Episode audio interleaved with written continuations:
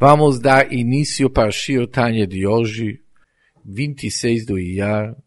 O Shir Tanya de hoje é o início do Perek Numbeis, capítulo 52, que se encontra na página 144, e o término do Shir Tanya de hoje é na primeira linha, na página 145, com a palavra Mehashemesh. A partir do capítulo 51, o Balatanya iniciou uma explicação sobre o conceito da Hashra'at Ashkina, que a Shekhinah paira ou repousa sobre certos lugares. Por exemplo, no Kodesh HaKadoshim, no lugar mais elevado e santo no Bet HaMikdash, a Shekhinah, a divindade, pairava de uma maneira muito singular. Assim também existem vários outros lugares onde que existe Hashra'at Hashchina, onde que a Shekhinah, a divindade, repousa. A pergunta do Balatanya era que nós sabemos que Melochol Arz Kevodó, que a terra inteira está repleto do glória da Hashem, e não existe um lugar vazio dele. Ou seja, Deus se encontra em todos os lugares. E se assim, o que que significa que certos lugares têm Hashra'at Hashchinah, divindade repousa e pai? Para explicar isso melhor, vimos de uma forma figurativa que dentro de um ser humano a ligação do alma e corpo funciona da seguinte maneira que apesar que a essência da alma, ela se encontra no corpo inteiro, dentro de todos os órgãos por igual. Mas mesmo assim, existe um conceito chamado Hashra'at Hanshama, que o Shama Paire repousa no cérebro, no cabeça do ser humano. De tal maneira que sob a essência da alma, não dá para dizer que ela que se encontra no cérebro da pessoa, sendo que a essência da alma ela se encontra em todos os órgãos por igual. E não dá para dizer que ela que se encontra no cérebro mais do que ela se encontra nas pernas. Mas, o que que de fato se encontra mais no cérebro do que no resto do corpo? É uma revelação, uma manifestação da alma, que nós demos o nome, conforme está escrito Hassidut Chai Be'etzem, ela se torna a essência e a força geradora de todos os tipos de manifestações e vitalidade que futuramente vão se manifestar no corpo humano. Ou seja, antes de se estender e se espalhar no corpo humano, existe todas essas estações como se encontra de uma maneira potencial eles todos se encontram no cérebro da pessoa. E somente a partir do cérebro que ele se divide e subdivide para todos os órgãos individualmente. Assim também aprendemos, é no Nimshal, é de fato, de uma certa forma, na base de uma analogia, ligação de Deus com o nosso mundo. Quando referente ao verdadeiro ser e a essência de Deus, jamais que dá para diferenciar entre mundos superiores e mundos inferiores. Porque na realidade Deus é tão oculto e tão encoberto dos mundos superiores como que ele está oculto e encoberto dos mundos inferiores. De tal maneira que nem os criaturas dos mundos superiores, eles têm capacidade de tentar aprender e compreender o Ensof Deus como que ele é infinito. E por outro lado, Deus se encontra tanto nos mundos inferiores como que ele se encontra nos mundos superiores. Ou seja, a única diferença que existe entre mundos superiores e mundos inferiores, igual da diferença que nós vimos antes entre os órgãos do corpo do ser humano, é somente referente a revelação da vitalidade e a extensão do Ensof, designado para sustentar e apoiar os mundos.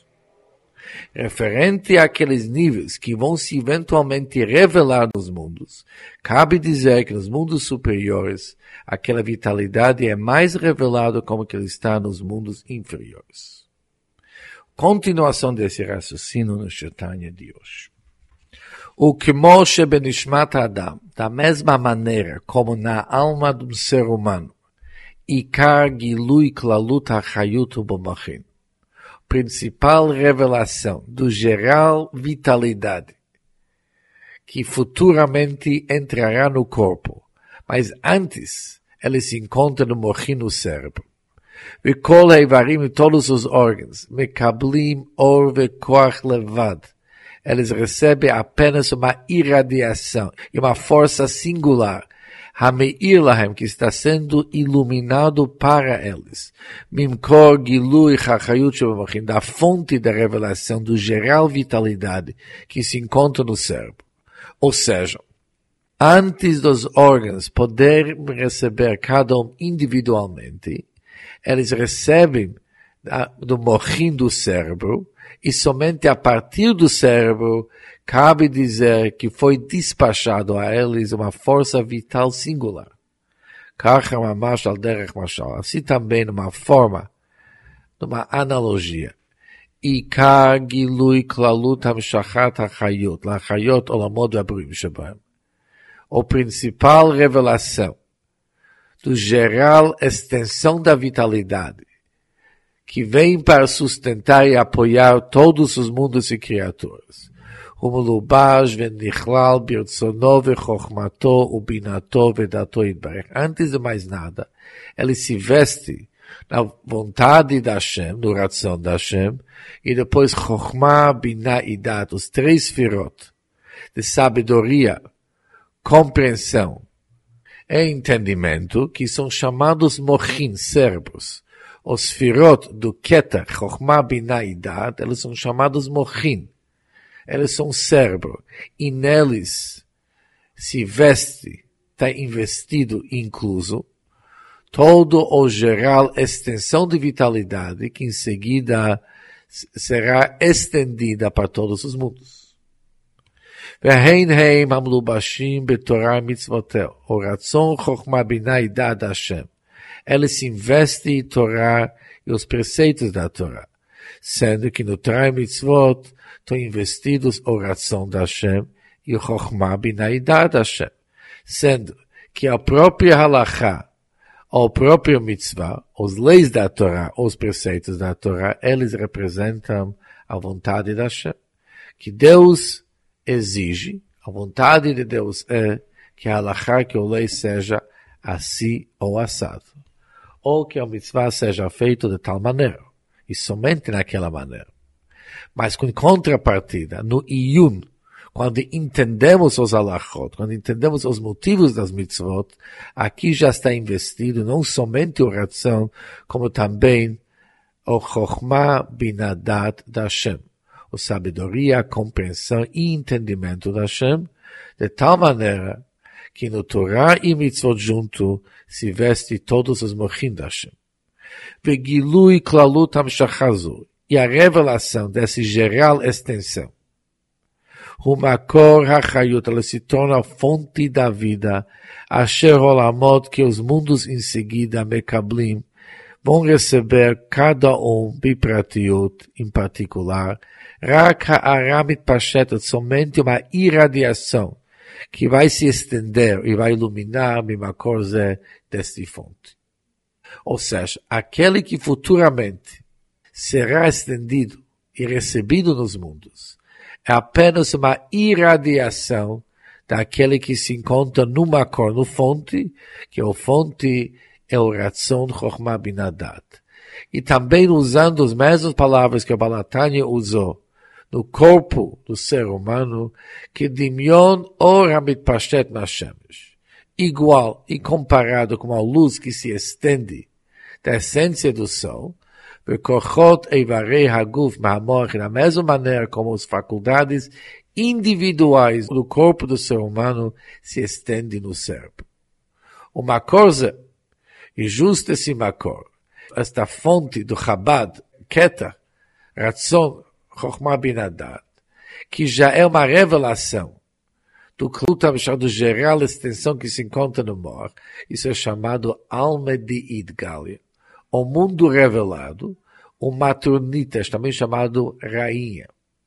Sendo que a rainha ela recebe de Kuchabrichu, de Deus, como que de fato ele transcende o rei da rainha. Também é chamado Eimetatá, a mãe inferior.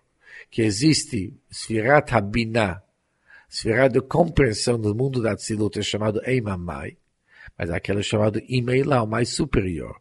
Mas Malchut é chamado Eimetatar, a mais inferior. O Shekhinah e a divindade também chamado Shachanti Beshotocham, eu repousarei entre vocês. E agora o Balatani vai explicar cada uma das palavras que nós vimos antes. O motivo que é chamado alma de Idgal e o mundo revelado. Al Shem Shemakorze, levando em consideração que essa fonte, ela é Reshit Idgalut Orensof, ela é início da revelação do Deus infinito. Ou seja, o próprio Makor fonte, ele já faz parte, ele participa do conceito do Hidgalu, da revelação. Por isso, ele ganha o próprio nome, alma de Idgal. Não somente pelo fato que ele tem como tarefa e objetivo de sustentar mundos revelados, mas mais pelo fato que ele sozinho já é o início de Hidgalut, início da revelação, mas principalmente pelo fato que sendo que esse nível da divindade já representa o conceito de Gilu e revelação, por isso ele é chamado alma de Idgal, o mundo revelado. O Mimakor é justo dessa fonte se estende para cada criatura ou para cada um dos mundos. Over Hayuta Prati Harauilo. Iluminação e uma vitalidade singular que é apropriada, que é adequado a ele. E por isso ele é chamado Eimatata, a mãe inferior, sendo que ele é a fonte ele se tornou fonte dos níveis individuais de vitalidade que se encontra em cada criatura.